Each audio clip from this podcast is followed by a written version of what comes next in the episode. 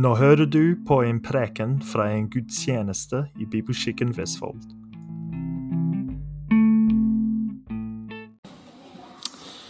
Ja, da er det første gang for min del jeg står i et garasje og skal tale. Det ser jeg egentlig frem til. En eh, ny erfaring. Og så hørte jeg at dere har eh, holdt på hele vinteren og hatt møter utendørs òg, og det er eh, respekt, altså. Det er veldig flott. Jeg har hørt om noen andre steder hvor møtene legges ned i denne koronatida. Fordi det blir kanskje for strevsomt på en måte, men flott å høre at det er noen som tåler til og med vinterkulde ute. Veldig bra. Takk for at jeg fikk komme. Jeg fikk spørsmål fra Kenneth, og så lurte han litt på hva jeg skulle tale om i dag. Og så ble det Høysangen. Jeg vet ikke hvilket forhold dere har til Høysangen og den boka, hvor godt kjent dere er der. Det var jo sånn blant jødene, i hvert fall. Jeg vet ikke om det er sånn fortsatt, men hvis du var ungkar, så skulle du være minimum 30 år før du fikk lese den boka alene. Vi har nok et litt annet forhold til den, og jeg håper at du er godt kjent i den. For min del så har det vært en relativt lukket bok. Det har vært så mye bilder at det har vært vanskelig å på en måte få tak i noe der.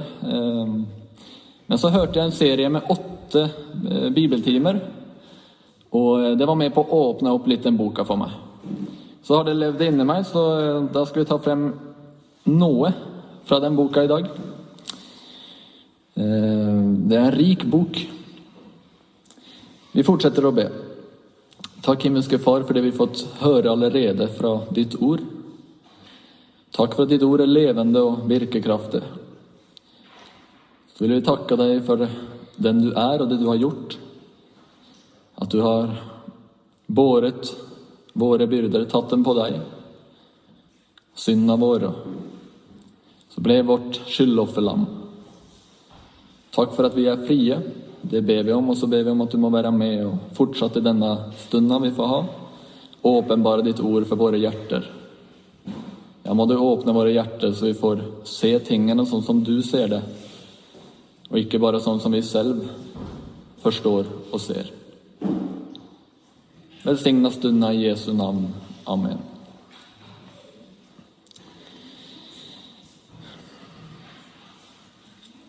Ja, det er ikke sånn at jeg kommer å holde meg til ett eller noen få vers hele tida i dag. Så det blir litt sånn hopping att og frem. Vi får prøve å tåle det. Men Høysangen, den rett fremme forståelsen av det, den må vi la stå der. Altså en skildring av kjærligheten mellom kong Salomo selv og en enkel landsjente, Sjulamit. Eh, flott beskrivelse av den gjensidige kjærligheten og trangen etter den andre hos to som er blitt glad i hverandre og er trolovet. Det er godt og Gud velbehagelig når det er slik i ekteskapet, og når det er det som får prege det. Men eh, så har Jesus sagt at eh, Skriftene vitner om ham, og det gjelder da også Høysangen. Det er opp gjennom historien derfor blitt forstått som en allegorisk skildring av kjærligheten og forholdet mellom Jesus, altså kongen, brudgommen, og hans brud, menigheten. Så vil jeg bare føye til det at en må være litt forsiktig med de her allegoriske eller billige forståelsene, fordi det kan jo fort hende, eller ende i vilkårlighet. Så må vi holde oss til de bilder som Bibelen selv bruker, og prøve å forstå de bildene ut fra andre tekster i Bibelen.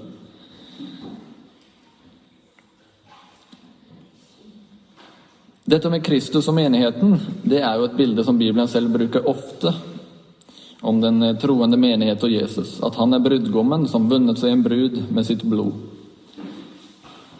Mange henvisninger til det. Og etter det bildet så er vi i dag i en trolovelsestid. Det var jo i den kulturen en bindende løfte. Altså var det trolovet, så det blir nærmest det å være gift for oss. altså Det var bindende. Men selve bryllupet var i vente. Men bruden hørte fra da av brudgommen til. Sånn var det.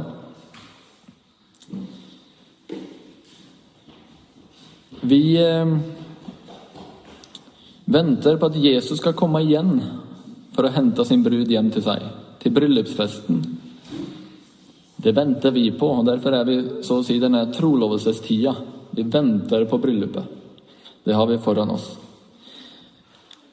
Vi leser det i Johannes 14, de første tre versene, hvordan Jesus sier at han er gått av sted for å berede plass for oss. Og da er det nettopp den, dette han taler om, som var eh, skikken og bruken da, at brudgommen etter trolovelsen reiste av sted for å bygge huset, altså bygge en plass. Og så kommer han en gang tilbake, og bruden vet ikke når, for å ta bruden til seg, og da er det bryllupsfesten.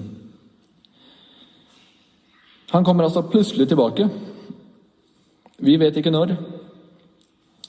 Brudgommen eh, Det kunne ta år før han kom tilbake til sin trolovede brud. Hun måtte gå der og være rede og vente og være klar. Og eh, så er det dette at eh, bruden er da menigheten, og menigheten er jo hver troende.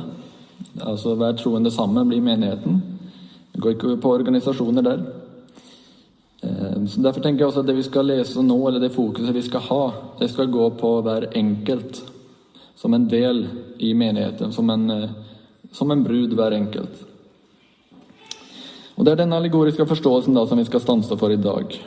Og da skal vi særlig se på hvordan brudgommen beskriver sin brud. Hvordan Jesus beskriver deg og meg som får lov å være frelst ved troa på Han. Sånn ser altså Jesus på deg og meg som hører Han til. Og Da skal vi bla opp i Bibelen, hvis du har den med, i Høysangen 4 og vers 9. Vi skal ta utgangspunkt der, i hvert fall. Da skal vi se på hvordan en enkel landsjente blir kongenes konges brud og vinner hans hjerte. Høysangen 4,9. Du har vunnet mitt hjerte, min søster, min brud. Du har vunnet mitt hjerte med ett eneste øyekast, med en av skjedene om din hals. Ja, med et eneste øyekast. Med en av skjedene om vår hals. Er vi så skjønne og fantastiske da, at eh, så fort eh, Gud ser oss, så får han behag i oss? Eller at vi kan ta på oss noe ytre og pynte oss med det, slik at han får behag i oss. Det er jo stort sett det som læres, dessverre, noen steder i dag. Men eh, Bibelen lærer noe ganske annet. Den sier det at eh, vi ikke har noe rent, hellig, godt i oss i det hele tatt av naturen, slike vi er.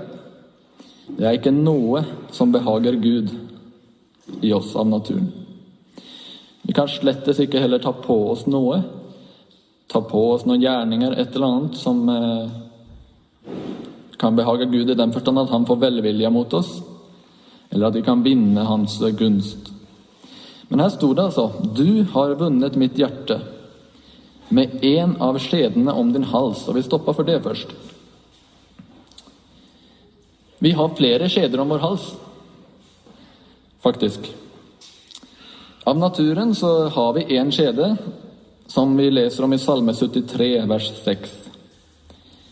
Det står om de ugudelige og hovmodige, og det er også naturen, det. Der står det derfor er overmot deres halsskjede. De hyller seg i vold som en kledning. Den skjeden der, den hindrer ydmykelse under Gud Overmot er det stikk motsatte. Det er slettes ikke den skjeden som vinner Jesu gunst. Det er det ikke. Nei, det må bli overdekket av en annen halskjede. Og da skal vi bla opp i Esekiel, i kapittel 16. Så leser vi noen vers der, fra vers 8 og utover til, eh, til vers 14 i hvert fall. Da gikk jeg forbi deg og så deg. Det er altså Herren som har funnet Juda og tar seg av henne. Eh, da gikk jeg forbi deg og så deg, og se, din tid var kommet, elskovens tid. Jeg bredte min kappe over deg og skjulte din nakenhet. Og jeg tilsverget deg troskap og sluttet pakt med deg, sier Herren, Herren, og du ble min. Jeg vasket deg med vann og skilte blodet av deg og salvet deg med olje. Jeg kledde deg med fargerike klær og hadde på deg sko av takasskinn. Og jeg bandt fint lin om deg og hyllet deg i silke. Jeg prydet deg med smykker og jeg la armbånd om dine hender og et skjede om din hals. Der har vi det. Et skjede om din hals. Jeg satte en ring i din nese og ringer i dine ører og en prektig krone på ditt hode. Så smykket du deg med gull og sølv, og din kledning var av fint lin og silke og brodert tøy. Fint mel og honning og olje fikk du spise, og du ble overmåte fager og vel skikket til å være dronning. Ditt navn kom ut blant folkene på grunn av din skjønnhet. For den var fullkommen på grunn av de herlige prydelsene som jeg hadde kledd deg i, sier Herren, Herren. Han har altså for sin egen skyld valgt å elske oss ville ta oss til sin brud før vi gjort noe som helst, eller engang sett på han ennå. Lå der og sprelle i vårt blod, leste vi. Han så oss. Det sto det i vers 8. Og et øyekast fra han til oss. Og han sverget troskap og sluttet pakt med oss, og vi ble hans. Han elsket oss uforskyldt. Det står i Romerne 5,8 men Gud viser sin kjærlighet til oss ved at Kristus døde for oss mens vi ennå var syndere. Så har han altså gitt oss det vi trengte, det vil lå sprellet i vårt blod, i våre synder, i vår elendighet.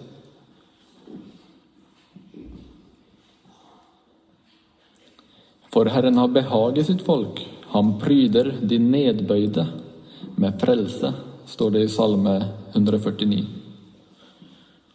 Han pryder de nedbøyde med frelse. Han selv kommer i Jesus og frelser og pryder den nedbøyde, så vi kan bli hans brud. Av sin barmhjertighet har han utvalgt oss, deg og meg, til sin elskede brud, og ved Kristus har han smykket oss med en skjede om halsen, denne skjede som igjen vinner hans gunst.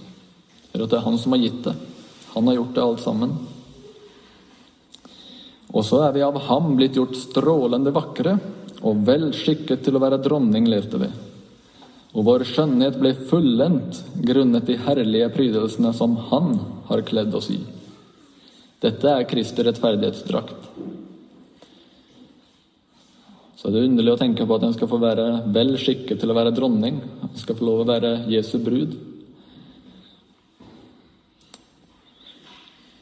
Det å være brud vet jeg ikke noe om, naturlig nok. Men jeg vet at jeg har i hvert fall en brud som gifta med meg, og det var fantastisk. Og så eh, må jeg prøve å tenke at ja, så står det her at da skal jeg få være Jesu brud. Og eh, hvordan han kommer å glede seg så uendelig mye mer over oss, og hvordan han gjør det når vi hører han til. Det er noe vi nok ikke skulle skygge unna, men bruke litt tid på å fryde oss over det. Det tror jeg. I Jesaja 61 vers 10 så står det Jeg vil glede meg i Herren. Min sjel skal fryde seg i min Gud. For han har kledd meg i frelsens drakt. I rettferdighetens kappe har han svept meg. Lik brudgommen som setter på seg en lue som prestens, og lik bruden som pryder seg med sine smykker. Det er hans verk fra begynnelse til ende at du får være hans brud.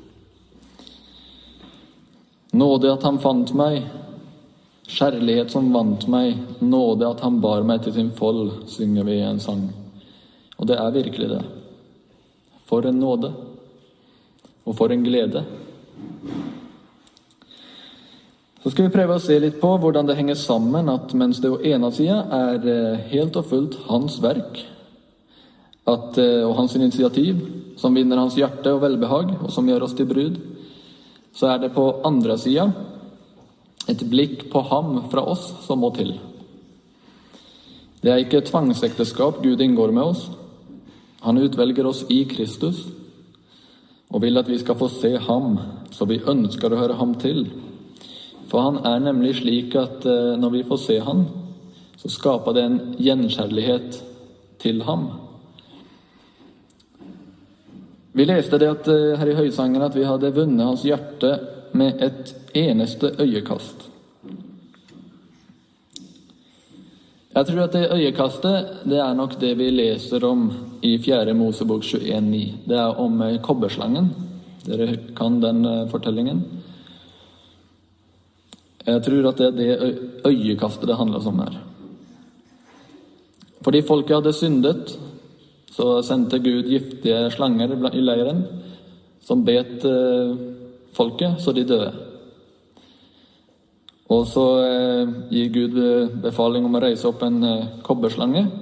Så var det slik at den som så på den slangen, fikk leve. Om den hadde blitt bitt av slangen som kravla rundt der, så var de dødsens, det visste de. De hadde ikke noe håp. Men hvis de festet blikket sine på den kobberslangen, så skulle de få leve. Og det var det eneste som trengtes. Så er det slik at eh, Guds vrede ligger over dem som har syndet. Det gjør den over enhver synder. Vreden ligger der. Dommen. Men mens han eh, hater synderen og sender en rettferdig dom, så elsker han dem samtidig fra evighet av for Jesus skyld og vil frelse dem. Romerne 5,8 f.eks. Derfor gir han befaling da om å reise opp denne kobberslangen. Og så er det jo forskyndelse i dette. Det skjønner vi. Det eneste håp for disse som var bitt av slange, det var å se på denne kobberslangen. Og det eneste håpet de hadde. Men det var nok. Deri var frelsen for dem. Et blikk flytta dem over fra døden til livet. Så står det i Johannes 3, 14, og like som Moses opphøyet slangen i ørkenen, slik må menneskesønnen bli opphøyet, for at hver den som tror på ham, skal ha evig liv. Et trengende blikk i håp og tro på Jesus flytter oss over fra helvete til himmelen, fra døden til livet. Fra Guds forbannelse til Guds velsignelse.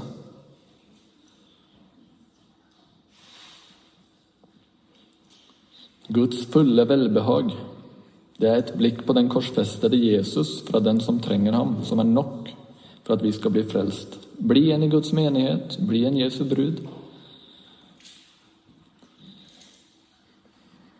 Jeg vet ikke om dere la merke til eh, det uttrykket her i det, det vi leste, vers 9 i Høysangen 4. Du har vunnet mitt hjerte, min søster, min brud. Men dette med søster det syns jeg kaster et fint lys over det når vi ser det i den allegoriske forståelsen av Jesus og menigheten.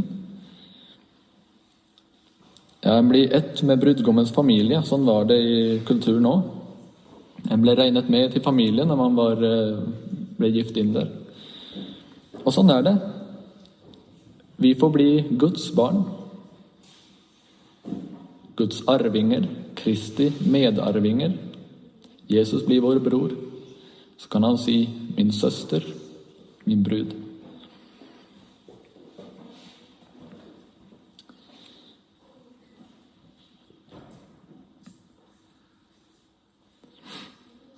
I det øyeblikk vi får vårt hjertes øyne opplatt, så vi ser på Jesus og hva han har gjort for oss, så får vi alt det han er. Det får vi gitt til oss. I det øyeblikk så er all din elendighet og skittenhet borte, og denne synden som Gud hater. Den har Jesus dødd for. Det blitt bort, tatt bort. Du er vasket ren i Jesu blod. Tenker på det vi leste fra Esekel, hvor han ligger og spreller i blodet sitt. Og så kommer Gud forbi og forbarmer seg av sin nåde. Så vasker han oss ren i Jesu blod. Du er blitt lyteløs og fullkommen, skjønn og herlig, vel skikket til å være dronning. Så står det i Salme 147, vers 11.: Herren har behag i dem som frykter ham, som venter på hans miskunn. Og det var det siste der jeg syntes var så godt. Som venter på hans miskunn.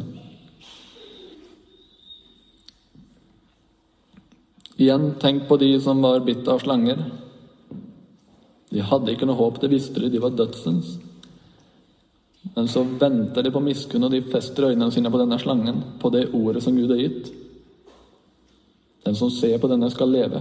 Så venter de med miskunn på dette, så får de leve. Et blikk. Dette øyekastet på Jesus det vil jeg kalle for vår omvendelse.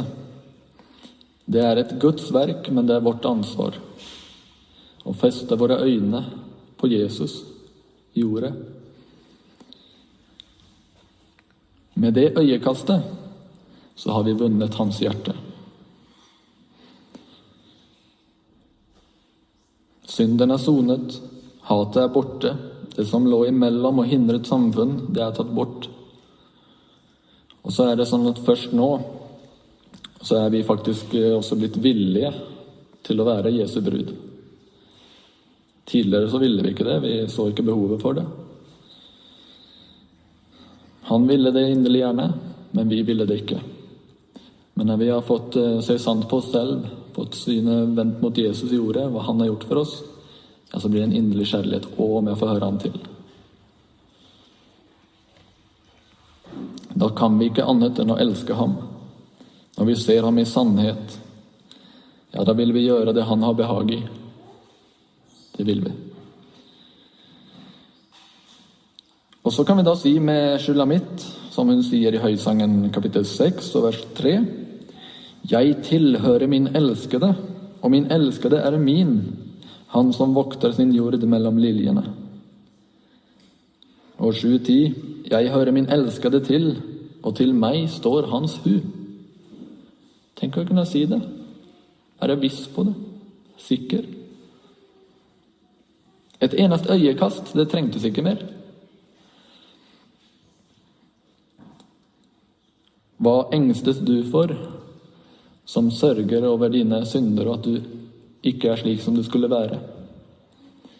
Som går der nedtrykt og bøyd og sukker over deg selv. Og det har vi for så vidt all grunn å gjøre, hvis det er oss selv det står på. Men så er det han som har gjort det. Og han sier bare 'se et øyekast', så får du alt. Så har du med det øyekastet vunnet hans hjerte. Så blir du hans brud, som er vel skikket til å være dronning. Det handler ikke om størrelse av tro her, men det er et lengselsfullt blikk i lengsel og håp og forventning til miskunn. Han har utvalgt deg i Kristus mens du ennå var i dine synder, og så har han gitt deg all sin prakt og skjønnhet. Ja, så vi er vel skikket til å være dronning, og det er jo enorme ord.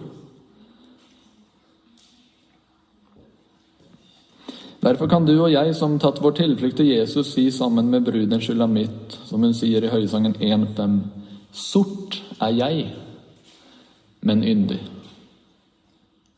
Ja, det er sant, det. Sort i meg selv, virkelig.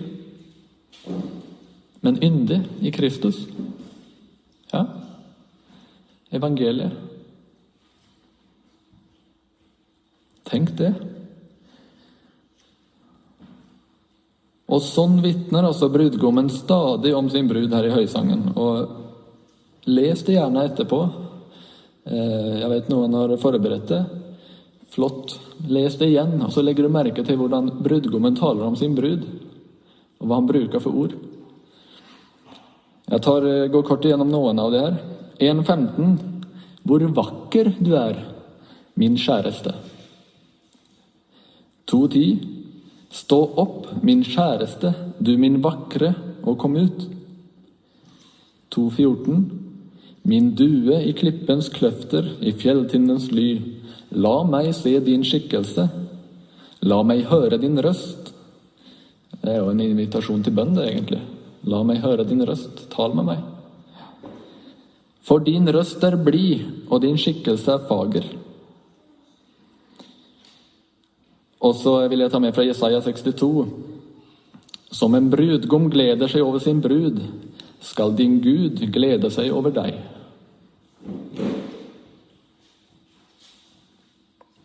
Underlig. Eh, for min egen del så lever jeg så lite i dette. Eh, jeg ser jo hva jeg selv ser, ikke sant, og det er ikke noe pent. Men så er det bønnen når man kunne få se det i ordet sånn som Jesus ser det. Sånn som Gud ser det i Jesus, og sånn som han ser på oss gjennom Jesus. Jeg tenker vi kunne få leve der. Vi skal stanse litt for eh, Høysangen 2.2. Så er det et uttrykk der, eller et bilde, som jeg ville stanse litt for, og som dere får prøve på skriften om jeg trekker det for langt eller ikke. Der står det Som en lilje blant torner, slik er min kjæreste blant de unge kvinnene. Det er altså brudgommen Jesus som sier det. Som en lilje blant torner, slik er min kjæreste blant de unge kvinnene. Jeg måtte bla opp på Lilje i illustrert bibelleksikon jeg har hjemme, og finne litt ut om det. Så var det noen interessante opplysninger der. Eh, Lilje er et bilde på ynde og skjønnhet. Og så vil jeg ta med noen andre av de stedene i Bibelen hvor lilje nevnes. Hosea 14, 14,6. Når Israel, og da tenker jeg her også på oss som Guds menighet Når Israel omvender seg til Herren, sier han, 'Jeg vil lege deres frafall'. 'Jeg vil elske dem av hjertet', for min vrede har vendt seg fra dem. Jeg vil være som dugg for Israel. Og så kommer det Han skal blomstre som en lilje.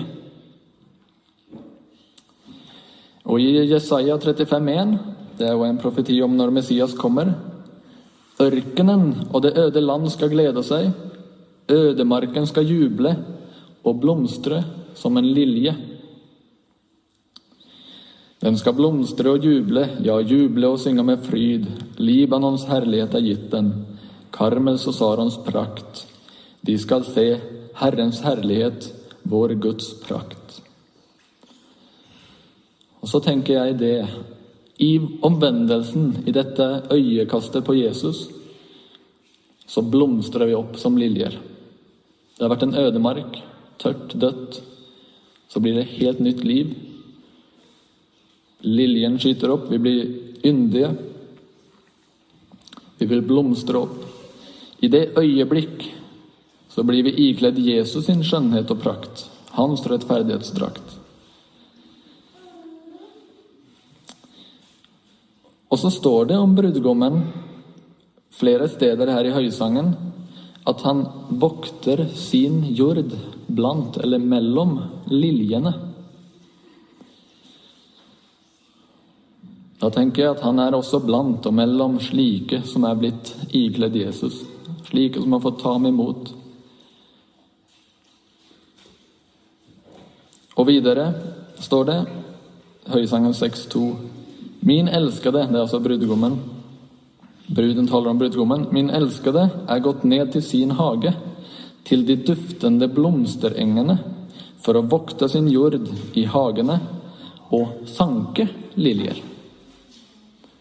Liljer kommer igjen her.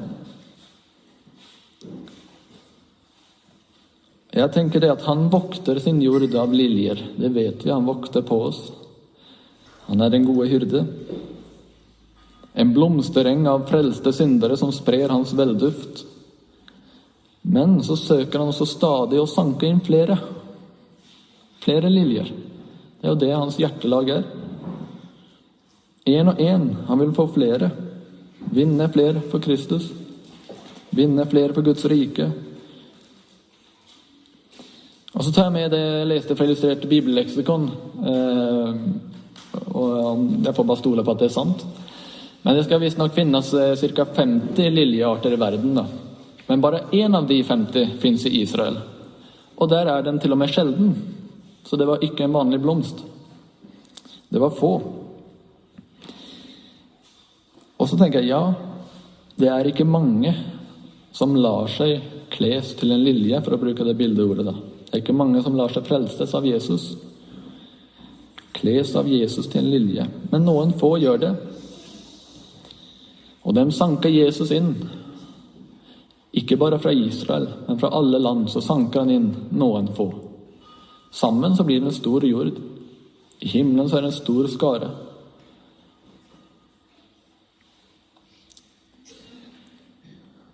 Og så tar jeg med dette fra Matteus 6,28. Og jeg veit det handler om noe annet, men jeg kunne ikke la være å ta det med og tenke på det i denne forbindelse.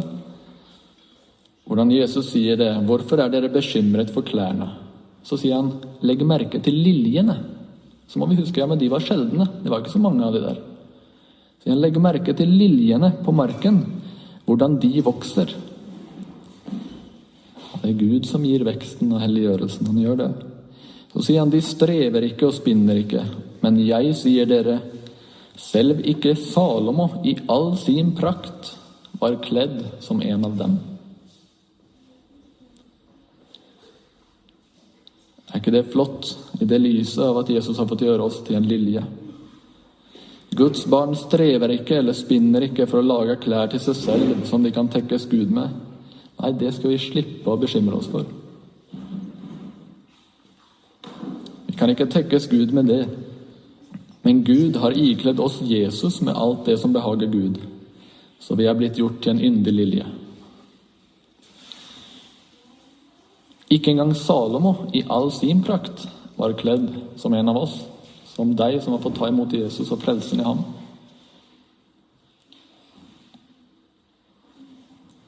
Tenk på det. Og så sier altså brudgommen om sin kjære brud som en lilje blant torner, slik er min kjæreste blant de unge kvinnene. For en forskjell! Lilje og torner. Så er det Guds verk.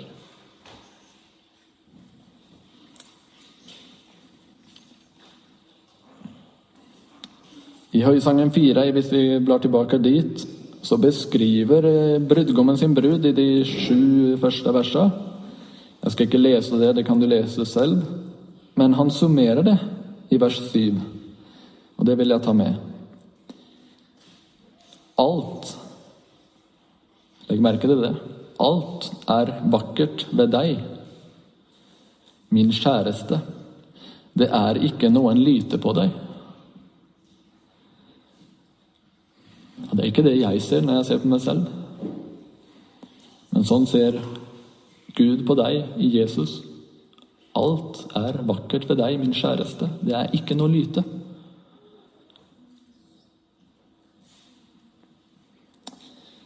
Og i kapittel 6, 9 så sier han én er min due, min fullkomne. Min fullkomne. Tenk at sånn ser Gud på deg.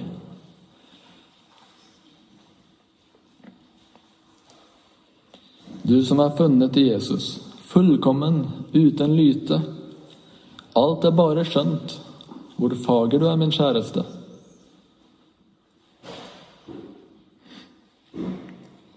Og så går vi her og tenker at Gud må være så inderlig lei av meg.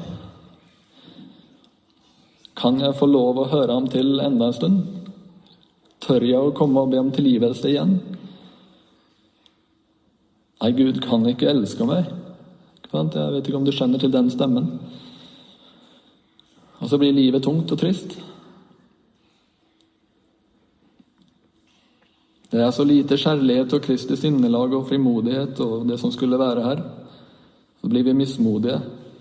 Og så ser vi oss sorte. Og det er sant når det gjelder oss. Og Det bruker djevelen til å anklage oss, og så sier han ja, kan du få høre Jesus til slik som du er? Nei, det går slettes ikke. Du hører meg til, du, sier han.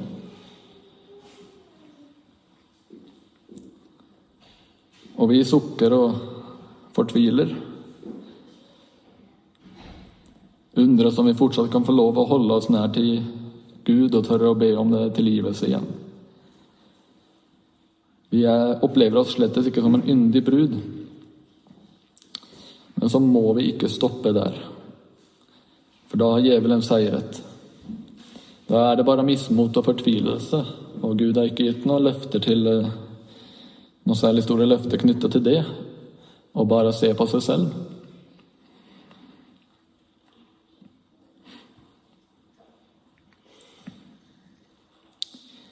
Kristus, Jesus, er korsfestet, død og begravet for vår skyld. Så vil han si det. Se på Jesus, ikke sant? Kobberslangen. Et blikk. Se på dette. Synden er sonet, gjelden er betalt, og vi er korsfestet sammen med ham og dermed døde for synden. Vi skylder ikke loven noe. Døde bort fra loven og oss selv. Loven har ikke lenger noe å fordre fra oss. Vi har en stedfortreder som gjelder i vårt sted, og har oppfylt lovens krav for oss. Og så gir denne stedfortrederen oss sitt fullkomne liv som virkelig er fullkomment, uten lyte, vakkert, skjønt osv., ja, det gir han til oss. Så er det dette plassbyttet. Så er vi oppreist med ham til et nytt liv, som egentlig er hans liv. Og slik, i ham med ett og alt, så skal vi få stå for dommeren en dag. så glemmer vi så fort at det avgjørende er om vi er ikledd Jesu rettferdighetsdrakt.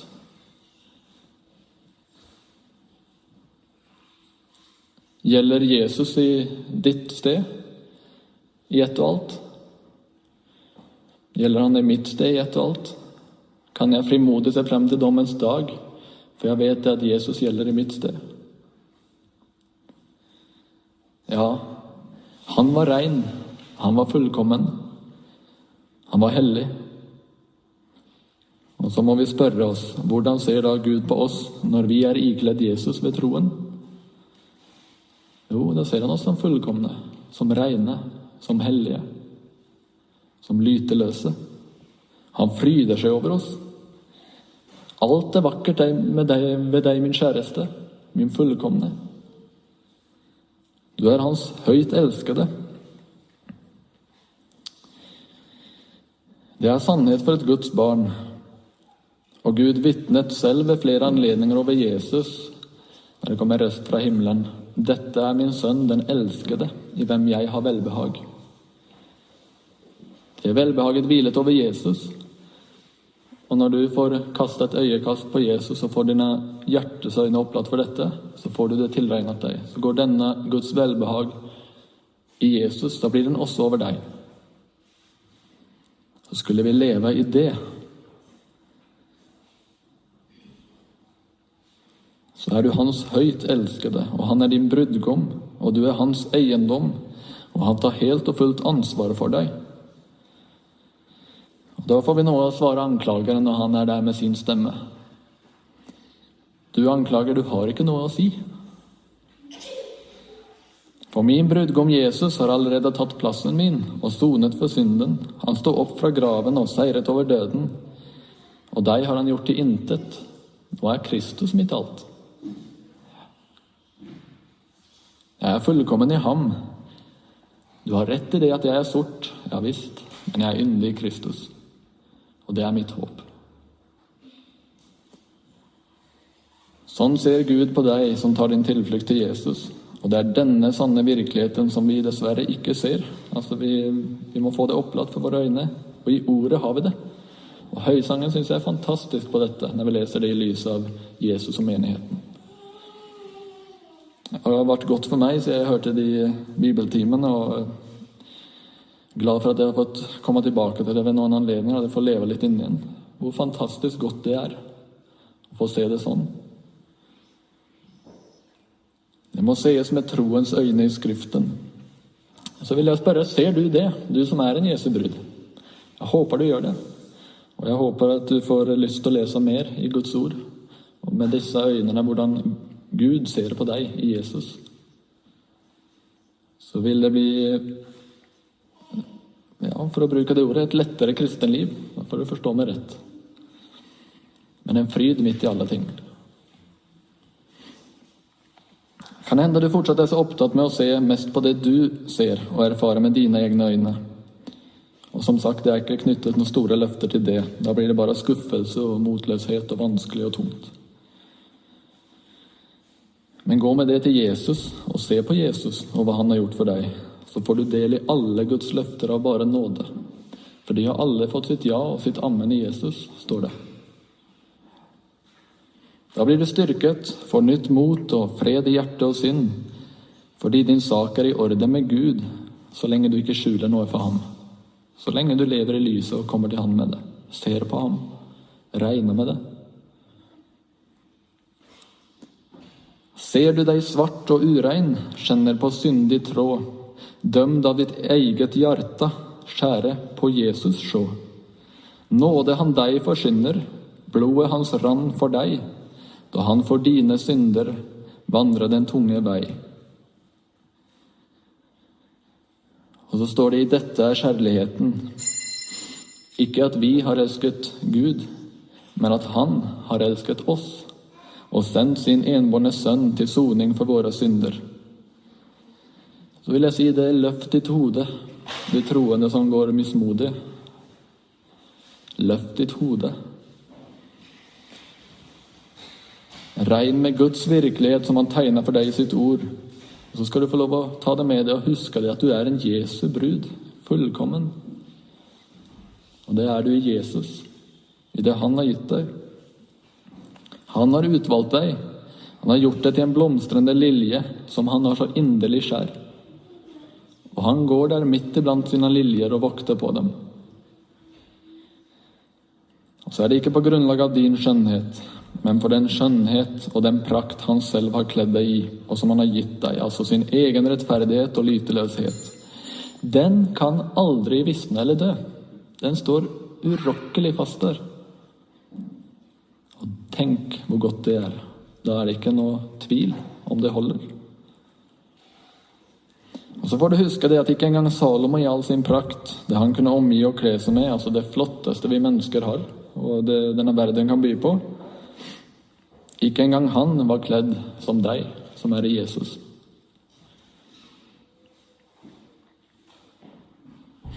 Gud ser deg fullkommen i Jesus så lenge du klinger deg til ham og ser på ham.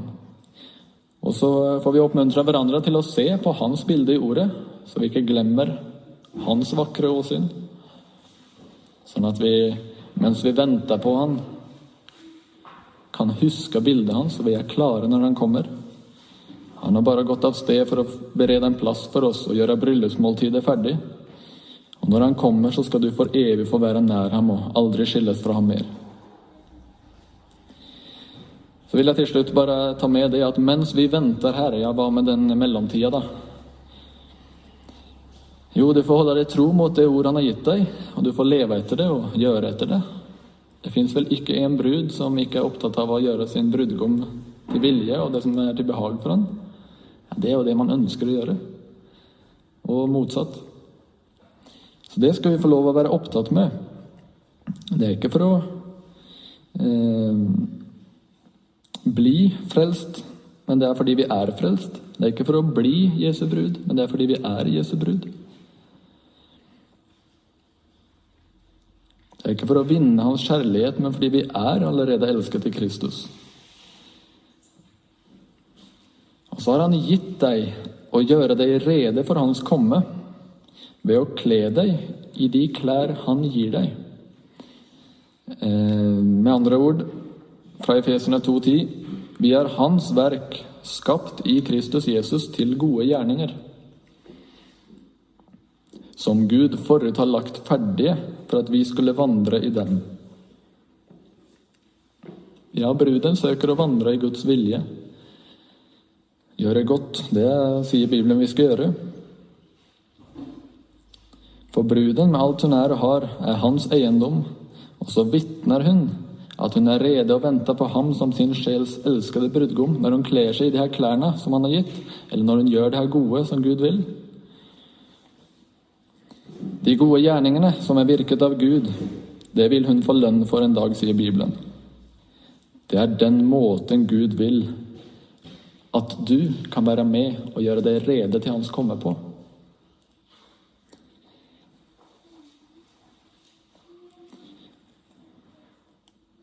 Jeg bare repeterer det så det ikke blir noen misforståelse med det, at det har ingenting å gjøre med selve ekteskapsinngåelsen. Men nettopp fordi Han har utvalgt oss, han har trolova oss med ham, så er det er sikkert og borget. Og derfor skal vi være opptatt med dette. Og derfor har han gitt oss noe å kle oss i, så at vi blir rede og er pyntet når han kommer. Vi kunne nevnt noe annet fra høysangen, men jeg tror jeg lar det være.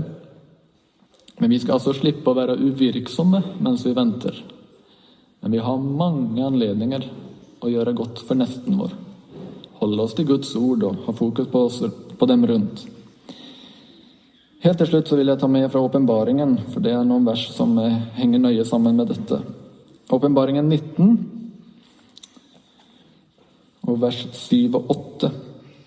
Tenk det, at snart, når Jesus kommer, for det er snart, så skal du få høre disse ordene i Åpenbaringen 19.7-8 gå i oppfyllelse. Og måtte det gjelde for deg og for meg. Der står det La oss glede oss og fryde oss og gi ham æren. For lammets bryllup er kommet, og hans brud har gjort seg rede. Det er henne gitt å kle seg i rent og skinnende fint lin for det fine linet er de helliges rettferdige gjerninger.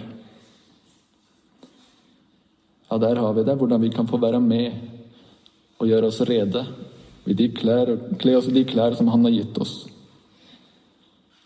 Lovet være Jesus i all evighet. Himmelske Far, jeg takker deg for ditt ord. Takk for det du har gjort, Jesus. Takk for at jeg og hver og en av oss får lov å være din lyteløse, fullkomne brud. Herre, vi ser det ikke selv, men takk for at ditt ord sier det. Og det vil vi la gjelde mer enn vår fornuft og våre erfaringer. For du kan ikke lyve. Så ber Jesus om at vi skulle få lov å kle oss i de klærne du gir, og gå inn i de gjerningene du legger ferdig for oss, så at vi er rede når du kommer så at vi kan få være med og pynte oss for den dagen da du kommer. Så må du bruke oss, Herre, til å sanke inn flere liljer, at vi kan få så ditt ord ut, så det kan få noe inn i hjertene. Så må du se til hver enkelt her og ta deg av oss alle sammen. Pleie oss og vokte oss på himmelveien. Må du stadig åpne ditt ord for oss. I Jesu navn. Amen.